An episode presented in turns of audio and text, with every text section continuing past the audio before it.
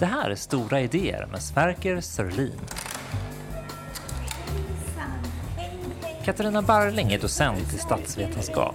Hon har forskat mycket om olika partikulturer.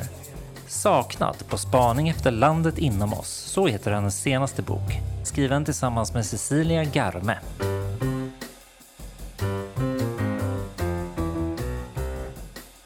Sverker Sörlin är professorn som har vunnit Augustpriset för sina böcker om Europas idéhistoria. Han är en ledande röst inom miljöns humaniora. Hans senaste bok heter Kris, från Estonia till Corona. Det finns inget facit här, Ja. utan jag är ganska undrande. Ja, men det är tänkte- samma. Det är ett mystiskt parti, jag håller med. Det är rätt undligt egentligen. Att Man kan inte hitta en enda varelse här i världen som är riktigt fri. Finns det då ingen riktig frihet, Rosa? Ja, det fina med att vara en, en frihetlig politiker handlar ju om att vi inte ska skicka en inbjudan till vissa länder utan det handlar ju om att människor älskar fri rörlighet och, och förflytta sig.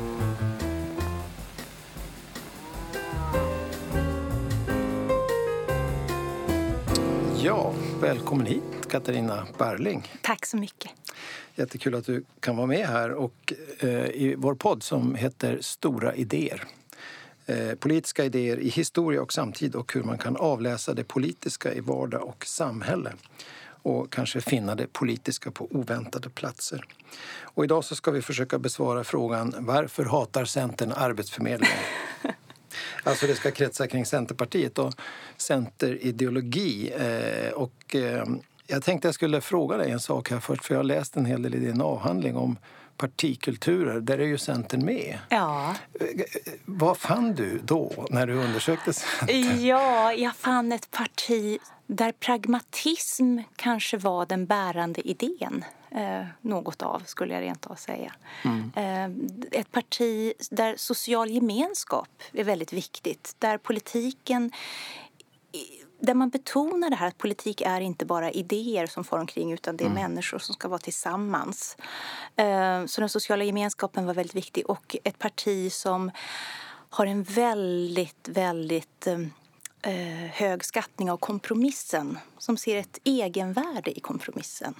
Någonstans eh, läste jag att eh, Centerpartisterna själva hade uppfattat att du tyckte att det var en fikakultur. Ja, jo, men det, kan, det skulle man kunna lite karikerat formulera det som. Ja. Men också i, i positiv mening, så, när man är tillsammans. Och den här avhandlingen kom då 2004 om Det jag stämmer. minns rätt. Ja. Ja, det här med Centern och Arbetsförmedlingen det får väl vi då se som en sorts eh, bild för, för det som kanske nu är rätt kännetecknande för Centern. Har varit ett bra tag, nämligen en ganska rejäl omfamning av liberala och, och kanske till och med nyliberala idéer.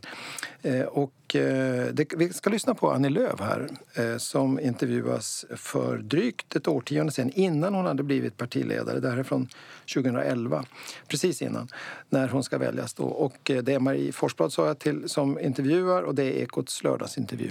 Jag, jag vill ju att människor som eh, kommer till Sverige ska ha en möjlighet till egenförsörjning, att kunna driva företag. Tidigare på 70-talet så kom det ju många människor till Sverige och arbetade, startade företag eh, och på det sättet försörjde sin familj. Och det vore ju en fantastisk möjlighet om vi kan bli ett nybyggarland, eh, ett land där faktiskt fler människor kommer hit och kan bidra både till skatteintäkter men också då till en förbättrad välfärd. Till eh, stämman om ett par veckor så ligger ett nytt migrationspolitiskt program. Eh, och där i programmet så står det bland annat hade vi haft en migrationspolitik som Kanada har hade vår population idag kunnat uppgå till hela 40 miljoner. Det skulle innebära mycket arbetskraft som vi är i behov av för morgondagens välfärd. Många av de landsbygdsproblem som råder idag hade kanske också kunnat vara lösta då.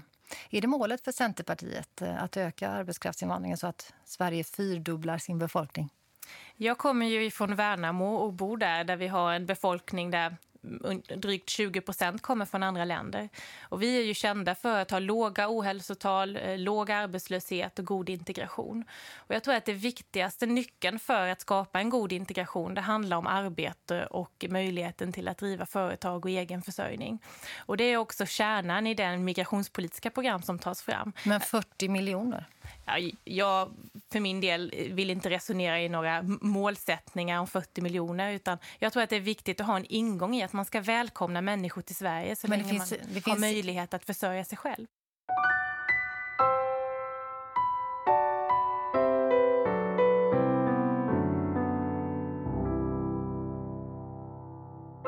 Ja, så där kunde det låta då för nu rätt många år sedan. Men ändå, det finns ju någonting ändå som gör, om man till exempel funderar på vad Sverigedemokraterna tycker om Centern så hittar man en del av svaret här kanske. Oh ja. vad, vad tänker du Katarina när du hör det här? Ja, nej men det är ju ett, eh, det är ett väldigt idealistiskt resonemang eh, som bygger på Alltså idealistiskt både i meningen att det finns en eh, tilltro till människans förmåga eh, så idealism i en sorts positiv mening, men också idealistiskt i meningen alltså idébur. Alltså det är lätt att spåra idéerna bakom det här.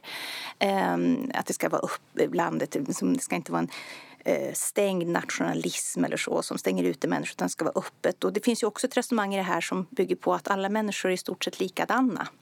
Så att eh, det spelar ingen roll om man kommer från Värnamo eller om man kommer från Kanada eller någon annanstans ifrån så kommer man att bete sig likadant eh, var man än hamnar här i världen. Nej men det är väl också, hon kallar sig i samma intervju någonstans för frihetlig till ja. exempel. Och det är ju ett ord som inte alla riktigt exakt vet vad det betyder. Det har på något sätt med det liberala att göra men samtidigt så är den inte bara den konventionella liberalismen utan det är någonting mer. Ja, sådär. Det. det. är lite svårt att fånga. En del på, en del, förut fanns det ett begrepp som hette vänsterliberalism ja. och som hade nog en del förankring, inte minst bland vissa kvinnor. Det fanns också Svenska kvinnors vänsterförbund som inte var en vänsterorganisation utan som just var vänsterliberal. Ja, det. Något sorts brett register. Ja. Så att det är någonting här som jag tycker är intressant. Eh, och jag tänker också på att den som kommer från Irak eller Kanada eller var man nu kommer ifrån har samma rättigheter som den här som är uppvuxen i Värnamo. Ja. Eller för den delen ja. hör om man går till en annan del ja. av Sverige. Eh, att det liksom inte ska vara skillnader där. Så här kanske inte ens hon kan säga idag.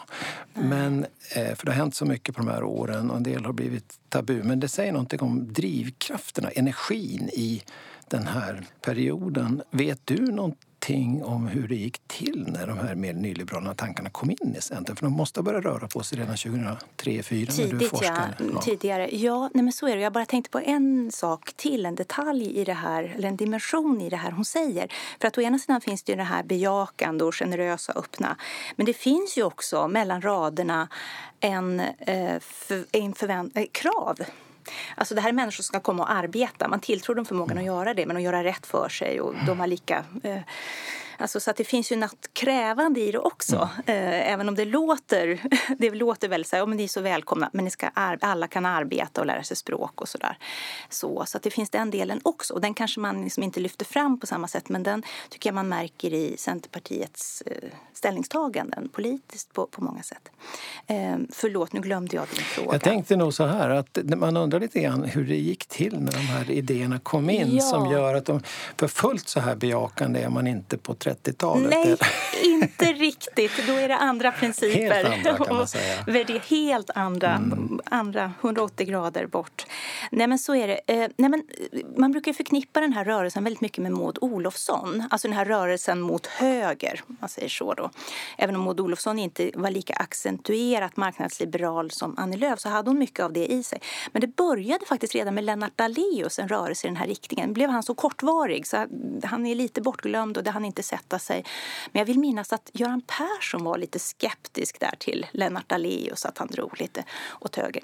Sen var det så här, man kan säga att det, det som det så ofta är, att det sker inte över en natt, utan det är en process. Och den processen, en del i den, eh, hade att göra med att partiet såg sig nödgat, man hade, man hade svårigheter, motgångar, alltså i och med att man fortfarande var så förknippad med, med jordbruk, med, med landsbygd. Och gick kräftgång i, i opinionen. Man sågs inte som det här hippa partiet riktigt utan man behövde skapa något nytt och eh, uh, nå nya väljargrupper. Och det man gjorde då under Maud Olofsson väldigt tydligt det var det att man började resonera ungefär så här att ja, historiskt har vi varit ett eh, jordbrukarparti, Bondeförbundet.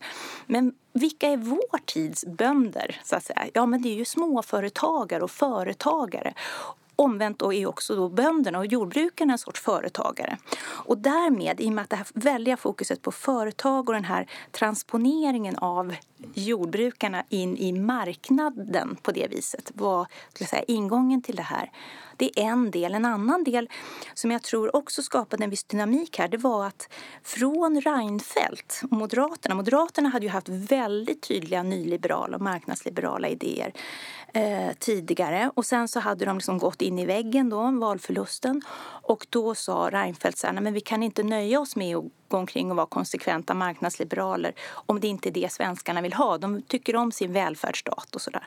Så det skedde en rörelse inom Moderaterna eh, bort från den här nyliberalismen och då blev det ett öppet fält där. Mm. Så det är nästan som en sån här mm, intressant dynamik att det är en sån självförstärkande rörelse. Det är som att de eh, Maud Olofsson med flera, de, blir så här, de hör sig själva säga det här, åh det här låter bra och nu har vi hittat något och så. Precis. Det, det, de, också lite som ett dominospel. Där det uppstår ja. lediga rutor så kan man flytta in där. Ja. Och man kan väl erinra sig att redan på 70-talet så hade de, alltså då var Centern väldigt starka, väldigt stora, fick 25 procent mm. av rösterna till och med, största borgerliga partiet. Ja.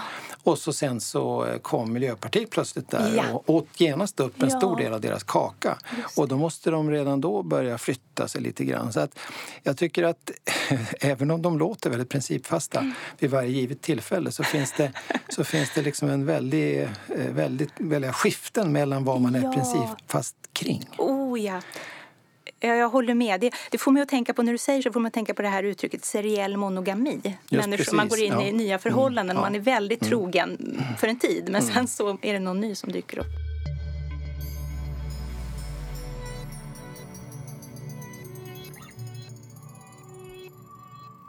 Centerpartiet har under senare år genomgått stora förändringar. Efter politiska motgångar under 80 och 90-talen genomförde partiet ett idépolitiskt arbete. Det resulterade i idéer som förnyade och ledde till en hel del debatt. Mer utpräglat liberala tankegångar fick större plats än tidigare och gavs även en mer tidstypisk nyliberal tillspetsning. Individen och entreprenörskapet betonades. Man ville ha platt skatt och individens frihet och rörlighet över gränserna fick stor betydelse. Ord som federalism och månggifte hördes från Centerpartiet, vilket överraskade många. Den nya partiledaren från 2011, Annie Lööf, var själv en bärare av sådana idéer. Samtidigt fanns i bakgrunden en utveckling inom Centern att förstå sig själv som ett borgerligt parti. Den utvecklingen förstärktes nu. Centerpartiet, av tradition ett samarbetsparti i svensk politik, har fått en mer militant framtoning och blivit en stridbar företrädare för exempelvis öppna gränser och invandring, liksom för bantade offentliga institutioner som Arbetsförmedlingen och konkurrensutsättning och marknadisering inom offentlig sektor. Kort och gott, under senare år förefaller Centerpartiet ha bytt skepnad. Är det så? Var kommer de nya impulserna i så fall ifrån? Eller finns det djupare liggande idépolitiska element i den egna traditionen som gör att det finns kontinuitet bakåt.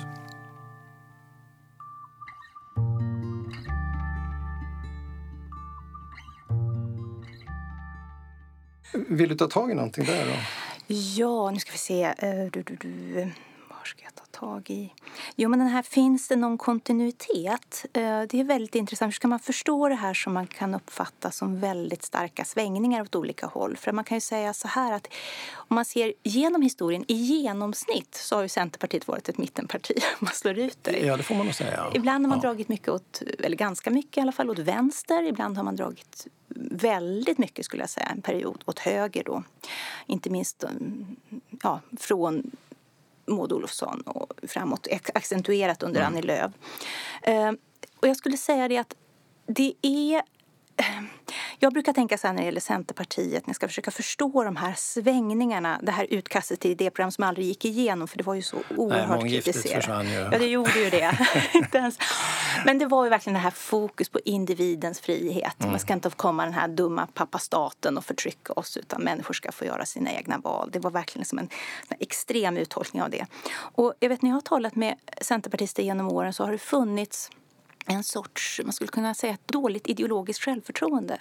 Att man har känt så att ja, men de andra de har de här storslagna ideologierna. Det finns det här gamla skämtet om att ja, men de andra de har Böck och Mill och Marx och vi har, vi har Gunnar Hedlund i Rådom som vår store som ideolog. Som EWK ritade också i en berömd bild där alla andra höll upp sina lärofäder och han höll upp en bild på sig själv. Just det, ja, det är underbart. Ja, men det, det, och det fångar någonting. Ja. Och jag brukar tänka det att det här, det här säger jag inte för att vara elak utan för att jag, det finns en logik i det helt enkelt som är väldigt mänsklig och inte alls konstig utan snarast fullt logisk. Och det är det att den här känslan av att man inte riktigt har en ideologi den gör att när man ska tänka ideologiskt eh, så vill man verkligen ta ut svängarna. Och det är ju också så att när man inte är, när man jämför med ett väldigt så här, ideologiskt idéburet parti som Liberalerna, dåvarande Folkpartiet som, som från ungdomsförbunden och framåt sitter och, och diskuterar John Stuart Mill och är vana vid det där. Så liksom, Centerpartiet, nu, nu ska vi bli ett idéparti. Och så är man från början ett intresseparti då, eh, på många sätt. Det betyder inte att det inte har funnits idéer, för intressen är ju knutna till idéer mm. förstås. Men det har varit liksom ändå fokus på intresset där. Eh, jordbruket, bönderna, landsbygden. Eh, och då är man så här, det som brukar säga det att det är lite grann som man har A-studenter och så här, nu låtsas att du är fullt ut liberal, alltså ja. utan gränser och så sätter du ihop ett program. Då skulle det se ut som det här utkastet till idéprogram. Mm. Att man är, det är lite grann som man kan jämföra med nyrikedom. Den som är nyrik liksom mm. tar i väldigt mycket. Um, och det är mitt försök att förstå det här för att mm. det är väldigt ocenterpartistiskt. Det är till och med så att i vissa uh, idéprogram så har Centerpartiet i stort sett haft pragmatismen inskriven. Att det handlar om att balansera olika värden mot varann och sådär. Jag tycker det finns drag av det här nu gällande programmet också från 2013. Att det, det finns hela tiden en sorts både och ja. genom alla avsnitten där. Just det. det. Ja. Men att nyföretagande, ny, eh, ny eh, förälskelse kan man säga. Som du pratade om tidigare med seriell monogami. Jag tänker mig också att det är någonting när man har en ny idé utan att ha någon riktigt djup förankring i något speciell ideologisk tradition ja. så måste man insistera ja. på giltigheten ja. av denna, denna nya tanke Just som man det. plötsligt är så förtjust i. Och, och det orkar man 10-20 år men, men sen är det svårt att orka i längden därför att det politiska landskapet förändras. Mm. Den där riktigt hårda ankarkopplingen till någonting finns inte tror jag på samma sätt och det skulle möjligen kunna kasta ett visst ljus över de här kasten.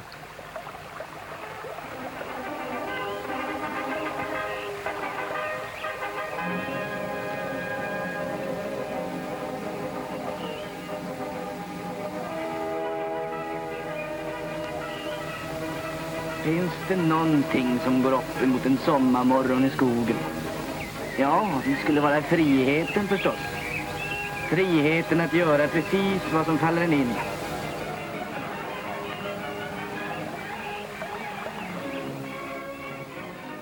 Får jag ta upp ett enskilt fall, eller ett enskilt begrepp, nämligen Stureplanscentern då, som det kommer att kallas. Och där man kan ju leta efter representanter för det, men en måste väl rimligtvis vara Fredrik Federley till exempel, som ju sen hamnade i Europaparlamentet också med en, en lång karriär eh, bakom sig. Och Ja, vad, vad, vad kännetecknar den här ska vi säga, kohorten? Det är också en ja. demografi i ett parti. De som kommer in och eh, tar över de nya idéerna och är beredda att driva dem. Vet du vad som kännetecknar dem? Då tänkt på det? Ja, men det som kännetecknade Stureplanscentern det var den här idén om att politik får inte hamna i den här bara tråkiga verkligheten där det bara handlar om att som anpassa sig till verklighet utan den måste ha det här syftet, de här idéerna att gå tillbaka till att förstå vad står vi för och sådär. Och den kommer ju dessutom att bli lång, alltså den kommer ju att företräda då, för det finns ju idéer åt vänster också förstås. Men det var inte de som Stureplanscentern omfamnade utan de blev ju, de fick ju en som det var en som närings... Det, det var ett väldigt långtgående marknadstänkande som fanns mm. i det. Längs liksom den traditionella vänster-högerskalan så låg de ju väldigt långt ut på högersidan om man tänker att mm. den handlar om marknadsekonomi. Mm. Om man tänker att höger är konservatism så låg de ju inte långt ut till höger. Nej, verkligen inte. Nej. Eh, så, så, så, och de bildades ju där. Och det kan ju ha varit en del i den här, alltså man hade någon form av ideologisk medvind. Man var också väldigt, väldigt rik. Man blev väldigt rik när man sålde sina tidningar. Precis. Och det tror jag också stärkte självförtroendet. Att man behövde inte vara, för att det är något som ofta glöms bort det här, hur mycket det här med positioner, tjänsterum, riksdagsplats, det där spelar så jättestor roll. Alltså vad det mm. betyder att vinna val, gå fram i val, att få pengar också. Centern behövde aldrig vara rädda för det. De behövde aldrig oroa sig för, för de satt där rika som mm. ett troll verkligen. Jag tänker också på utbildning, att många av de här var unga. Ja. Eh, och eh, yttrar man inte specifikt om Fredrik Federley här utan mer om en hel generation ja. som också hade gått, läst de kurser som började bli nya på universitet och ja. högskolor på 80 och 90-talen som väldigt mycket betonade ett nyliberalt ja. perspektiv. Det var Just en ny det. doktrin, en variant på läroböckerna som inte riktigt hade funnits där förut. Och återigen, om man nu pratar om oss och kursstudenter. Alltså att man blir väldigt förtjust i, i den, det, det, man får i sig då. Ja. Så har man inte riktigt hunnit luttras av kontakten med verkligheten vilket gör att det kan bli svingen kan bli, gå ända bort till månggifte. Så att säga. Ja. Det, det, finns inga spärrar riktigt. Verkligen. Nej, men jag har inte tänkt på det, men du har ju rätt den här som generationseffekten. Ja, det känns eh. som att det är ungefär 2000 den borde ja. kunna slå igenom. De har läst Fukuyama, ja. uh, The End of History. Och, Precis. Ja, men nu... och är frälsta på sånt. Ja. Och, och, och, det är ju inte okänt i ideologihistorien, men det blir på något sätt eh, vad säga, utrymmet för svängningar oh, i, på den här farkosten är större tror jag än på andra. Och sen är det där med Galtanskalan som jag vet att du också brukar intressera dig för. Eh, har du funderat på, på, på Centern i ett Galtan-perspektiv? Ja, nej men alltså, den här Galtanskalan den är ju intressant. Ibland tänker jag att den kanske kanske snarare är det spänningen mellan liberalism och konservatism som den handlar om. Mm. Även synen på nationen bottnar mycket i det här med gränser och sådär. Ehm, Centerpartiet där, även om då Gall där har, ju, där har man ju lagt in det här gröna då som ju Centern har lyft in även nu men där kan det ju uppstå uppenbara konflikter mellan då gröna miljöintressen och näringslivets intressen. Så. Mm, Ungefär som tidigare att det uppstod konflikter mellan, när man ville vara ett grönt parti, mellan landsbygdens och jordbrukets intressen intressen och miljöintressen. Så, så där har de ju haft lite knepigheter. Men det kan man väl säga att Centerpartiet har ju varit, inte minst det citatet som du inledde med, då är vi ju väldigt högt upp på galldelen av skalan. Alltså det är ju mm. nationer är underordnat eh, individer helt ja, och hållet, eller individens rättigheter. Eh, men historiskt så har ju Centerpartiet varit långt ner på tradition, auktoritet och nation. Ja, så att där finns en väldig förflyttning ja. egentligen, även om man nu upplever det som ett väldigt utpräglat gallparti. Ja, ja, verkligen. med, med gröna och alternativa och liberala, eller rent av libertarianska ja. idéer.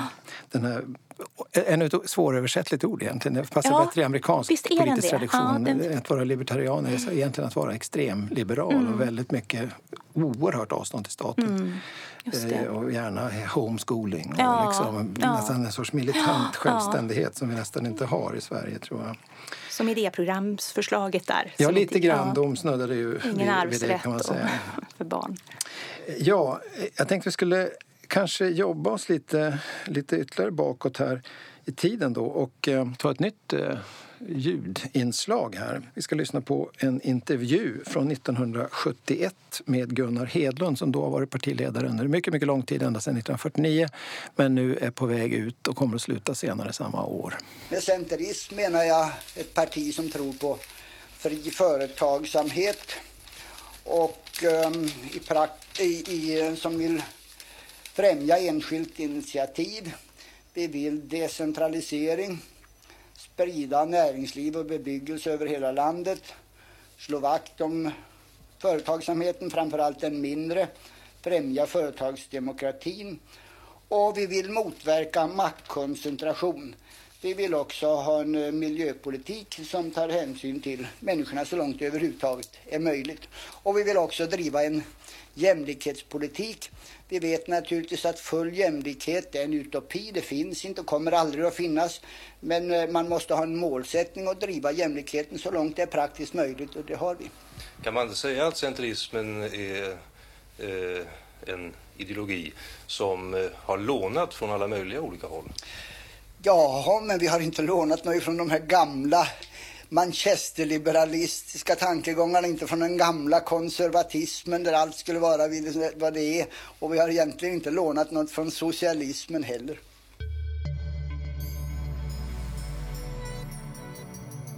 Kanske ska tillägga att det här var från en centerstämma i Halmstad 1971. Och, ja, de, de, det här sättet att visa att man inte har tagit del av eller inspirerats av de andra stora ideologierna påminner lite grann om sådana här medeltida gudsbevis. Alltså när man bevisar Guds existens genom alla hans icke-egenskaper. Eh, och, men, och här är det ju också ett ideologiskt begrepp som inte hörs jätteofta egentligen, särskilt inte nu för tiden, centrism. Mm. Eh, jag bollar över till dig Katarina, har du någon reflektion? Här? Ja, det är väldigt intressant och vad roligt att höra Gunnar Hedlund också. Eh, nej men så här, eh, om man ska vara om en väldigt generös tolkning av det han säger. Alltså hur, hur, hur, kan han tänkas tänka här när han säger så här att vi har inte lånat här utan det är vårt eget.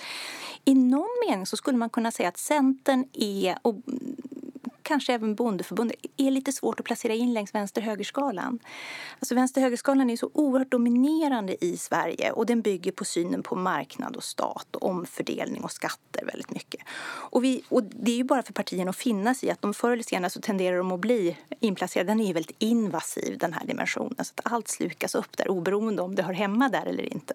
Och vi vill gärna placera partierna och partierna har ett behov av att vara tydliga längs skalan eftersom det är den väljarna mycket utgår från när de väljer då. Men man skulle kunna säga så här att om det finns i Centern någonting som man brukar tänka sig inte är vänster då så är det det här antistatliga. Att man är emot den här jätte jättestaten, den här som lägger sig som en våt filt över människors initiativkraft och förmåga och så. Ehm, och då tänker vi så här, ja men om man är emot en stark stat, då är man höger. Men det behöver man ju inte nödvändigtvis vara. Miljöpartiet har ju också haft eh, problem det här med liksom placeringen, för de tryckte ju väldigt, väldigt länge på också att de inte ville placeras in på vänster-högerskalan. Sen har de blivit inplacerade ändå. Och jag tror att det är också ett skäl till att Centerpartiet eh, har varit som är delvis fortfarande, men ännu mer förr när de inte ville kalla sig borgerliga eller höger så var de ändå väldigt så här, vi är icke-socialistiska och vi är inte vänster. Ja, det var väl Fälldins nyckelord, ja, icke-socialistiska. just icke-socialistiska. Och vad heter det, och det där gör då att, att och då, när de säger så okej, okay, då är ni höger. Men det är ju det att tillvaron består av fler dimensioner. Och, och eh, jag tror det kan vara ett sätt att förstå Gunnar Hedlund här, att de är, de är lite i en egen sfär. Så. Jag tycker också man hör att det, den stora elasticiteten som den här eh, ska säga, lite lätt principiell, oprincipiella hållningen ja.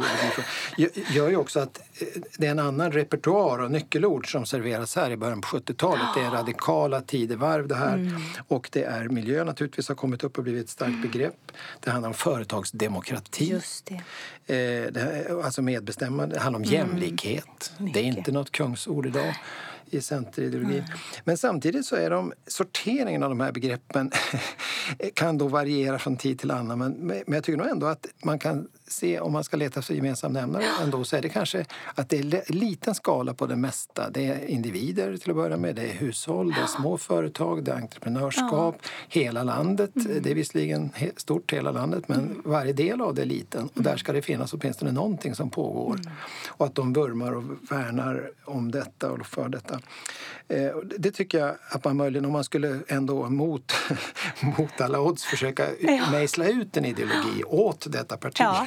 då skulle det här i alla fall ingå. Men man tänker ändå på formuleringar av det här. Om Hedlund själv då ironiskt kan kallas för en sin egen ideolog så var det ju inte bara han. Jag tänker på en person som Gustav Jonnergård till exempel som ju också var partisekreterare väldigt länge, i årtionden och på 70, början på 70-talet skrev skrifter om decentralism som han kallade det för Decentralisera Sverige var väl en skrift. Det blev också i Vuxenskolan då som var deras eget studieförbund framsprunget ur den här stora ungdomsrörelsen egentligen på 40-talet. Så, så kom det här med studier och studiecirklar och de kunde då samlas kring just de här decentralismskrifterna. Jag har precis tittat på en sån där studievägledning från 1973 tror jag det var. Och den är ju då eh, märkligt radikal om man ser den från vår tids utgångspunkt. Eh, även om det finns en del ska säga, demonstrativa ska säga, distanseringar ifrån marxism till exempel. Så, mm. Sånt kan man inte ha. Men, men i övrigt är det väldigt liksom, radikala och intressanta punkter i den. Men om du själv skulle försöka leta efter såna här, kanske inte en, en Burke eller Marx eller Mill, men någon form av eh, tänkare i rörelsen. Finns det någon som dyker upp vid sidan av Jonegård till exempel? Ja, och, ja, det där är så svårt. Alltså det närmast jag kan komma är snarast en litterär gestalt och det är Geijers Odalbonde. Mm. Som har, alltså jag rår mig själv här och vad stort sker, det sker tyst. Och, alltså det här lite lågmäld. Lite tag före partiet bildades då. Men, men, ja, man, men, men, brukar man citera honom? Alltså, har du sett att man refererar till till exempel Geijer? Nej, men jag tror... Jag vet att... Faktum är jag pratar om partier i olika sammanhang och de är, jag skulle säga alla partier är väldigt tålmodiga sådär. De klagar aldrig, som säger syrliga saker. Men en gång har jag fått, och det var just från den här kretsen då runt Stureplanscentern som jag tror blev väldigt då provocerad när jag sa att Centerpartiet inte är ett idéparti historiskt. Ja, för de kände sig verkligen som idé. Ja, ja, ja, det var ju helt fel. Mm. Och, och, då, och, och, omvänt ska jag säga att någon, i något sammanhang så gjorde jag, gjorde den här kopplingen till Odalbonden då, och då blev, var det några centerpartister som blev jätteglada. Mm. alltså verkligen och sa ja precis. Och jag tror du nämnde det här ordet frihetlighet. Ja. Jag tror det är där det kommer in någonstans för att det är så intressant med Centern. De har ju på många sätt deras rötter, om vi får använda det, är ju på många sätt konservativa. Det är jorden och det är förvaltandet och man är bunden verkligen till sitt land. Bokstavligt talat. Ja. Eh, men så finns ju den här liksom, ja men jag ska få rå mig själv här. Eh, jag ska få odla min jord, ingen ska komma och lägga sig i. Och det, så där finns det ju stråk av det här frihetliga även i den här, när man var som mest konservativ. Samtidigt så har det ju också varit så att man har ju inte haft några problem periodvis med eh, att staten går in och hjälper den med olika typer av stöd och regionalstöd och vad det nu kan handla om och tullar och mm. så. Alltså, så att man är ju inte alldeles konsekvent. Det är ju inte så att man, man kan gärna rå sig själv om man får lite hjälp men staten ska inte komma in och begränsa ens rörelseutrymme.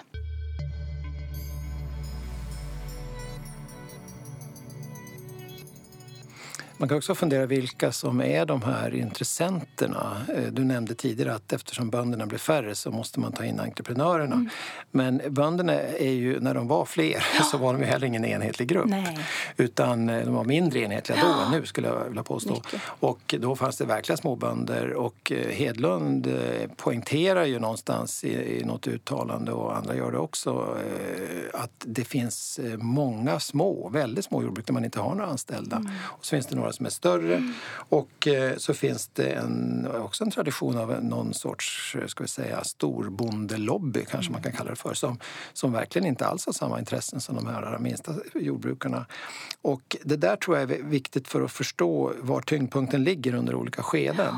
Och där är det ju eh, kanske inte mest meningsfullt att söka efter ideologi utan mer att söka efter vad som faktiskt ska funka för de olika grupperna. Oh ja, Intresset ljuger inte.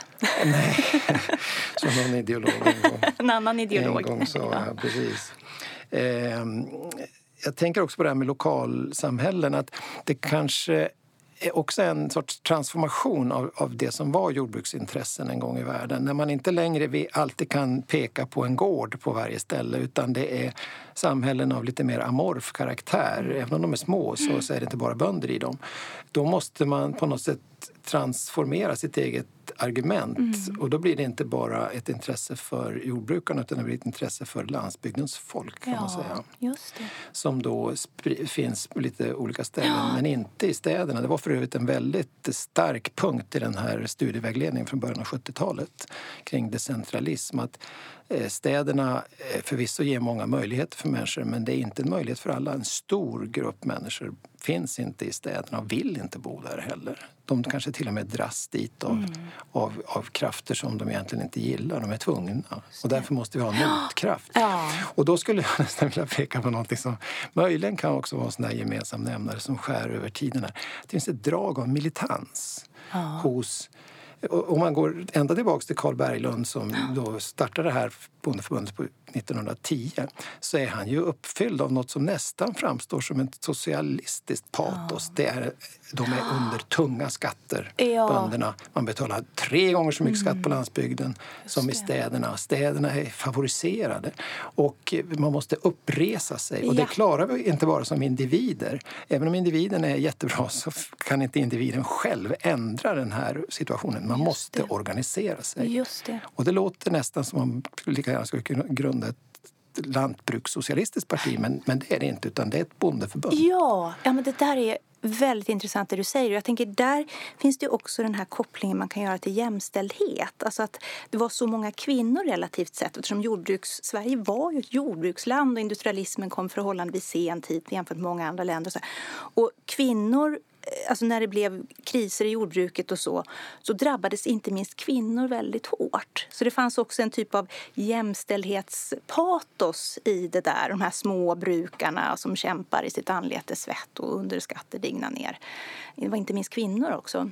Absolut. Samtidigt har jag ofta undrat över vilken relation, apropå ideologer här då, det finns en del kvinnliga agrara ideologer i Sverige. Jag tänker särskilt på Elin Wägner, Elisabeth Tam, för att ta den generationen som är lite grann samtida med Gunnar Hedlund, lite före kanske. Eh, alltså, eh, Karin Söder var en gång partiledare, nu har vi en kvinnlig partiledare igen. Mm. Men annars kanske det är rätt så mycket breda eh, gossar i, i partiet som har dominerat. Och jag har funderat över varför fanns det inte starkare eller tätare band mellan Centern eller bonderörelsen och den här kvinnliga medborgartraditionen på landsbygden. Har du reflekterat över det någon gång? Ja, det är en jätteintressant fråga. Alltså, möjligen kan det ändå ha en del i det kanske inte hela förklaringen, men en del i det kan ju vara, alltså det var ju ändå ett konservativt parti. Eh, så, som bottnade i konservativa idéer. Och, om man tänker det som, nu var det ju inte så i början av 1900-talet, men om man tänker längre tillbaka så var ju Alltså gårdarna var ju extremt patriarkala i sin, sin mm. uppbyggnad med husbonden med rätt att aga. Och, alltså, Hustavlans värld. Ja, ja just, just, det. Ja. Så att, och jag säger inte att det bara är det, men alltså att det spår av den historien kan ju ha funnits kvar. Och att även om det fanns de då som, som kom från... Och det visar ju också väldigt intressant att en, ett intresse eller en idérörelse den kan få liksom en, en spridning där det kanske finns en, en, en så centralpunkt punkt som skulle mycket väl kunna knyta till sig de här intressena i marginalen men som inte gör det av olika skäl trots att de har mycket gemensamt. Och det kan då vara av historiska skäl till exempel. Ja, och sen kanske också om man på nytt tänker på, på det politiska fältet som ett där man också ska få plats och rymmas och inte bli utträngd av ja. andra kan man säga att om man tar den här traditionen från Elin Wägner och väckarklocka och eh, fred med jorden och den så finns det det pacifistiska elementet, det kanske inte passar så jättebra. Även om man ska komma ihåg att Carl Berglund ville minska försvarsutgifterna. Så det finns liksom, ibland ska de ökas och, mm. och eh, vi kan komma tillbaka till det där med, med, med de första eh, organisationerna här på 1910-talet, hur, hur, olika de var. Men jag tänkte säga att eh, där har vi socialdemokratin som också lägger beslag på en del av detta. Mm. Och i mm. senare skede då, som vi redan varit inne på, Miljöpartiet som ja. så att säga kanske står närmare Elin Wägner. Ja. Och då blir i navigationen så kanske man till och med tar lite extra stort avstånd för att undvika att besmittas. Så ja. att det liksom, jag tänker på ibland politiken som någon form av eh, karantänsresa. Det gäller att hålla sig någorlunda fri från ja. de andras smitta för att man ska framstå som tydlig och attraktiv. Och sådär. Ja, det är en bra poäng, verkligen.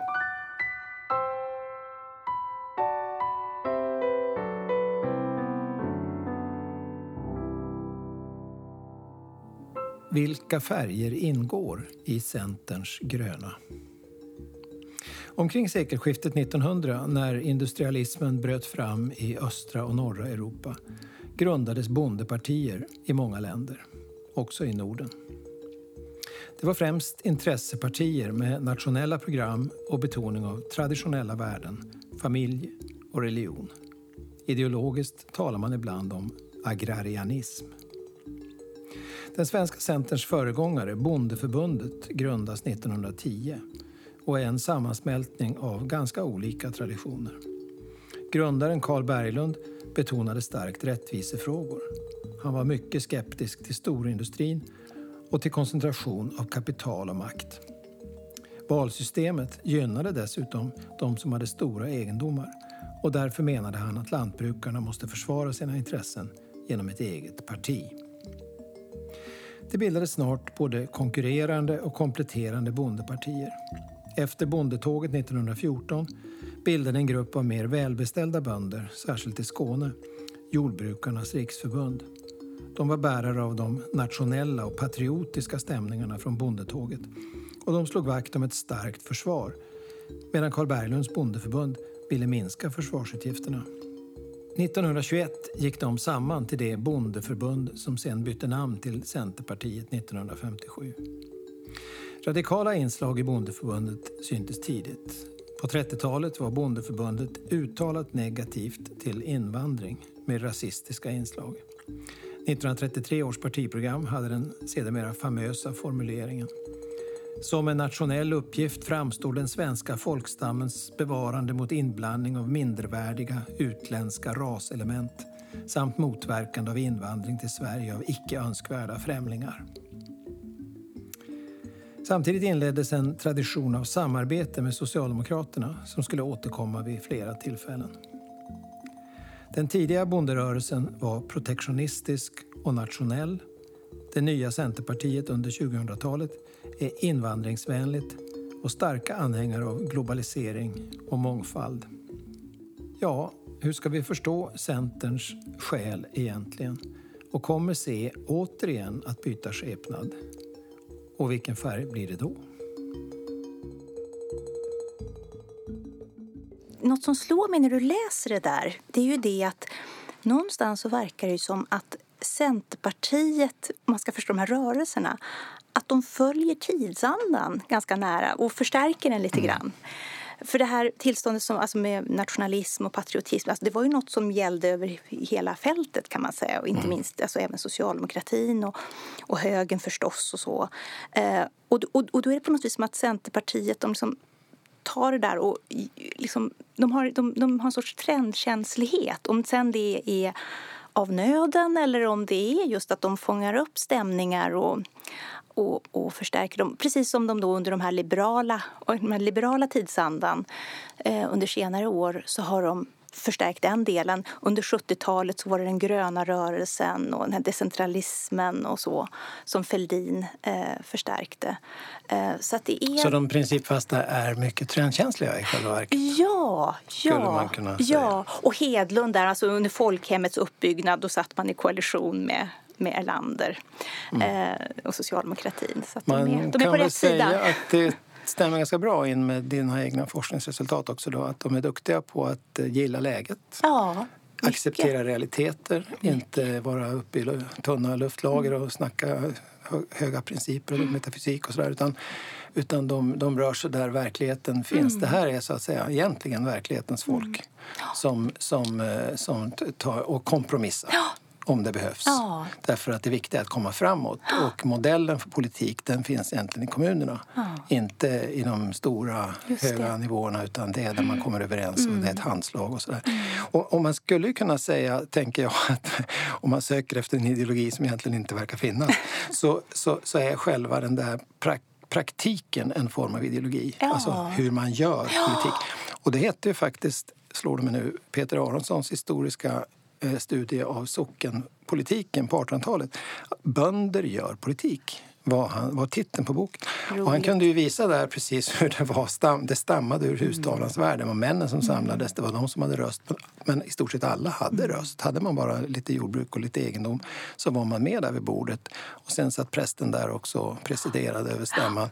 Och så, så kom man överens. Och kom man inte överens så var det ju jävligt för allihop. Så att det var bäst att få till någonting. Eh, så det är någon sorts modell för politik som görs till i någon mening ett ideologiskt självändamål, ja. om jag får uttrycka mig så. Ja, och får jag bara lägga till där, att du sammanfattar det så bra och så otroligt intressant det här med bönder gör politik.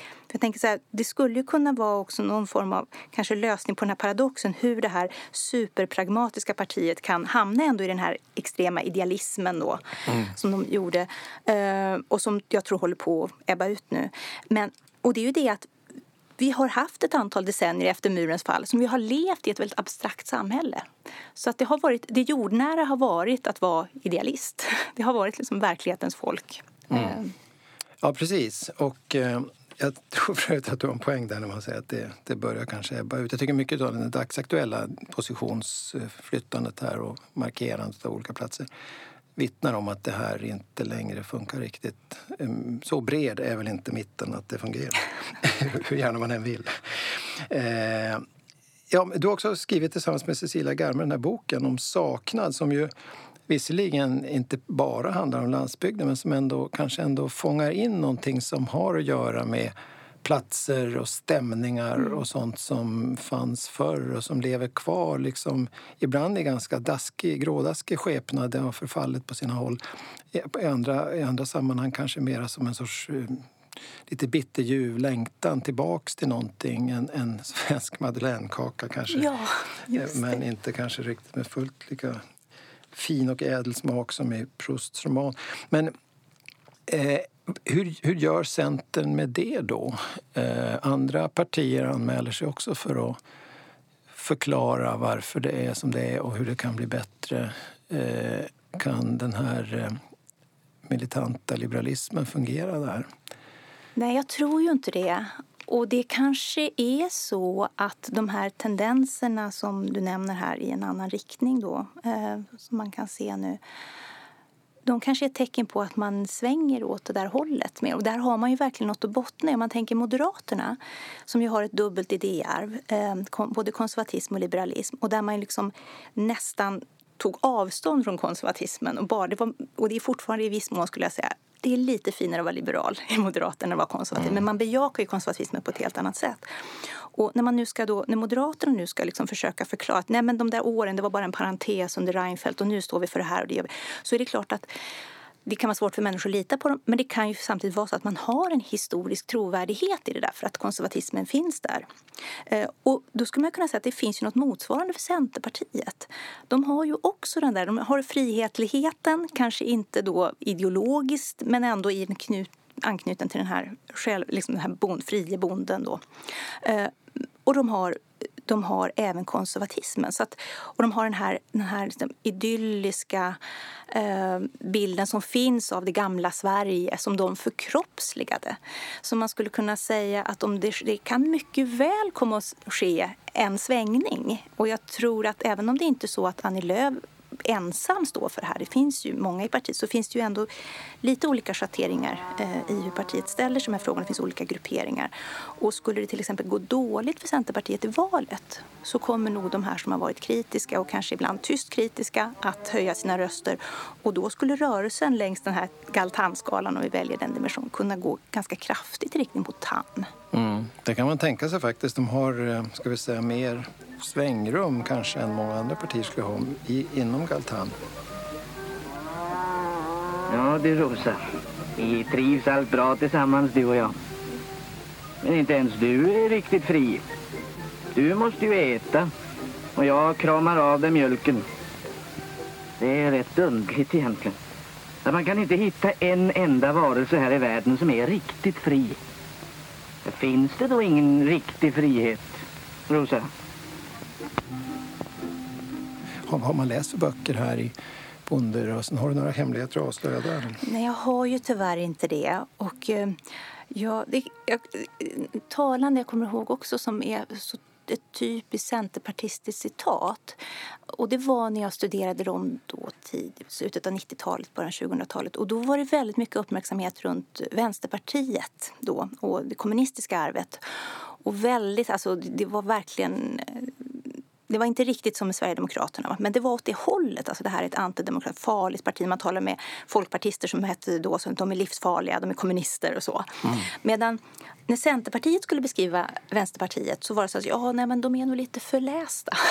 Så, ja, just det. Du använde det ordet, mycket teorier. Jag ihåg, i din avhandling. Ja, ja, jag har läst verkligen. Ja.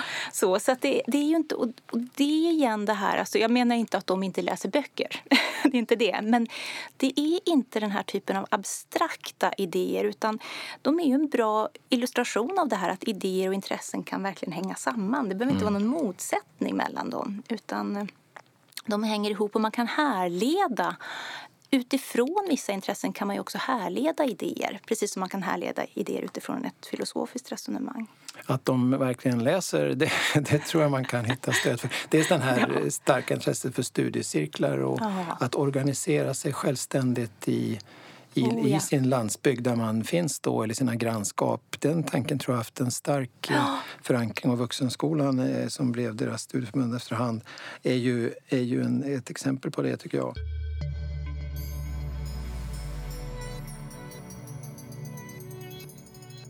Och det, i, i, norsk politisk tradition tycker jag nog att man ser mer av det ska vi säga, bonderadikala och det bondekonservativa, båda falangerna i, i levande praktisk politik i fler partier, inte bara i norska Centerpartiet det är en påminnelse också om hur olika Norge och Sverige är demografiskt mm. och när det gäller naturresurser och så.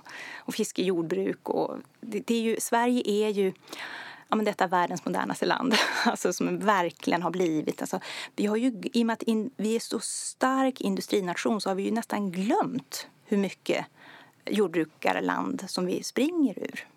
Ja, och dessutom att norrmännen ju har tagit sig både modet och sedermera också haft väldigt gott råd att investera i sina glesbygder och tagit ja. den notan på något sätt. Det ja. har vi ju bestämt oss för att i Sverige skulle vi visserligen ha en regionalpolitik men den fick inte stå i konflikt med ekonomisk effektivitet. Nej men precis, Nej, men just det. Nej, men det finns ju en helt, an, helt andra förutsättningar. Man skyddar möjligheten mm. att bo på landsbygden medan i Sverige så är det som den här effektiviseringen helig. Mm. Ja just det och innovationsparadigmet. Liksom, att vi, är det effektivare att flytta och omskola sig och mm. börja en annan bransch på en annan plats, då ska mm. det ske. Det är statens roll att hjälpa till och se till att det sker.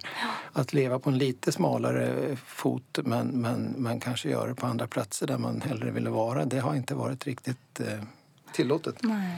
Och det är klart, i ett sånt samhälle, ett sånt, ett sånt sammanhang, en sån politisk kultur, om man ska använda ett sånt ord, så, så är det klart att då blir också ett parti som Centerpartiet eller en bondeförbund måste hela tiden söka sig fram i nischer som är i någon mening tillåtna. Ja. Eh, i, i, en sån regim. Man kan samarbeta, det man varit väldigt duktig på. Men samtidigt så finns det någon form av, jag får ibland känslan av en inre revolt ja. liksom, när den här landsbygdsmänniskan ska omplanteras ja. liksom, någon annanstans. Ja. Så måste det ändå, det är inte bra. Och det var ju så tydligt under Fälldin. Eh, mm. Alltså den här, och, och, och där, och, men där var det ju också det här att där skulle ju staten finnas närvarande i högsta grad. Men än en gång, men då, behöv, då var det för att hjälpa den här frigörelsen rörelsen då, att man skulle kunna leva eh, över hela landet. Och han förkroppsligade ju det där också genom att åka hem till Ramvik och sätta sig i traktorn. När hustrun Solveig kom till Stockholm så det var högtidstillfällen så hade hon eh, hembygdsdräkt och så. Ja. Så att han, förkropp, han levde ju verkligen de idéerna i praktiken. Ja. Så.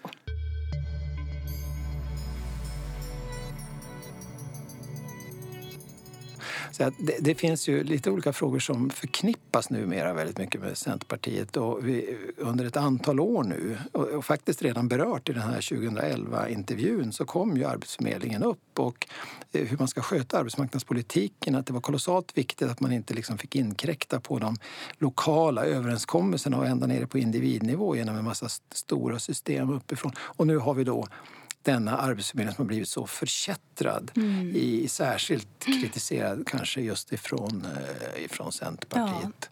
Ja. Hur, hur ska man läsa det, tycker du? Ja, det där är väldigt intressant. Och jag tror att det finns åtminstone två delar i det. Den ena delen har ju att göra med det här långtgående marknadstänkandet att det ska vara fristående aktörer och de kan lika gärna vara privata och det, alltså det spelar ingen roll och man ska gå på vem löser det här bäst och så. Så den ena delen är att det här att det, det är ju något statligt och det är inte staten som är bäst på sån här, ungefär i linje med att staten ska inte äga företag, staten ska inte förmedla arbeten eller staten är inte bäst den på det. Den enskilda entreprenören är alltid bättre. Är alltid bättre. Särskilt på jordbruk. Ja, särskilt. Ja. Och då går det precis, och då går du över i den här andra delen. För dels finns det den här vänster-höger, att det är näringslivet ska in här. De är mycket effektivare. Men sen finns det det här att Arbetsförmedlingen för, alltså det är ju en sån tydlig symbol. Man skulle liksom leta reda på en myndighet som på något vis förkroppsligar den här starka, stora staten eh, representerad av socialdemokratin så är det som AMS, Arbetsmarknadsverket och sedermera då Arbetsförmedlingen. Och det var ju också så att det var ju den myndighet som också de nya Moderaterna gick väldigt hårt åt då. De skulle omorganisera totalt. Och, för och så tog man bort arbetslivsforskningen just det, just det, detta. En särskilt hatad myndighet. Ja, nej men just det, precis det. Och det där är otroligt otroligt intressant att Arbetsförmedlingen den, den blir på något vis en sån här projektionsyta. Så man ser allting, Amspolitik AMS-politik som var ett populärt uttryck. Jag tror jag, Anders Borg använder det ofta, möjligen Maud Olofsson också. Ehm, och så att Arbetsförmedlingen har på något vis blivit en symbol för både det storskaliga och någon form av vänster då, eh, som man vänder sig mot och en form av vänster som man vänder sig mot. Så att därför så är det, har det varit ganska hårt att vara Arbetsförmedlingen eh, i förhållande till Centerpartiet.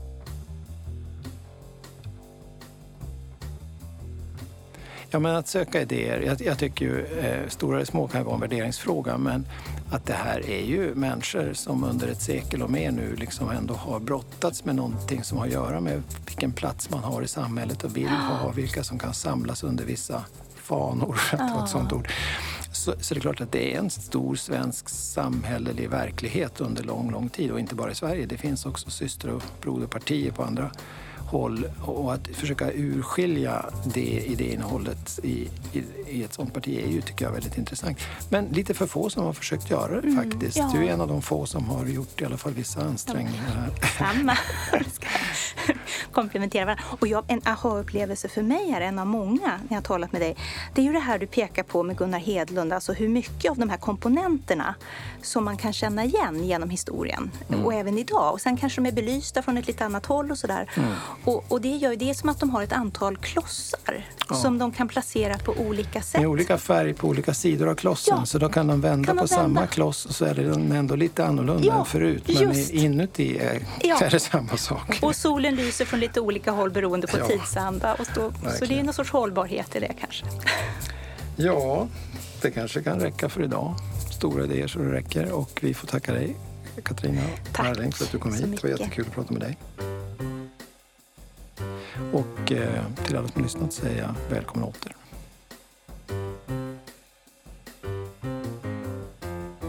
Vi hörde Annie Lööf och Marie Forsblad i Ekots lördagsintervju från 2011. Klippet med Centerledaren Gunnar Hedlund kom från Tidsspegeln i Sveriges Radio 1971. Stora idéer är inspelad i Arenagruppens studio i Stockholm. Slutmix Simon Karlsson. Sandra Löv hjälpte till med klippningen. Producerade gjorde jag som heter Rasmus Malm. Moderna maskiner, rationella brukningsmetoder. Allt som kan underlätta arbetet. Telefon och moderna kommunikationer. Allt som ökar trivseln på landsbygden. Ja du Arne, det ska vi ha.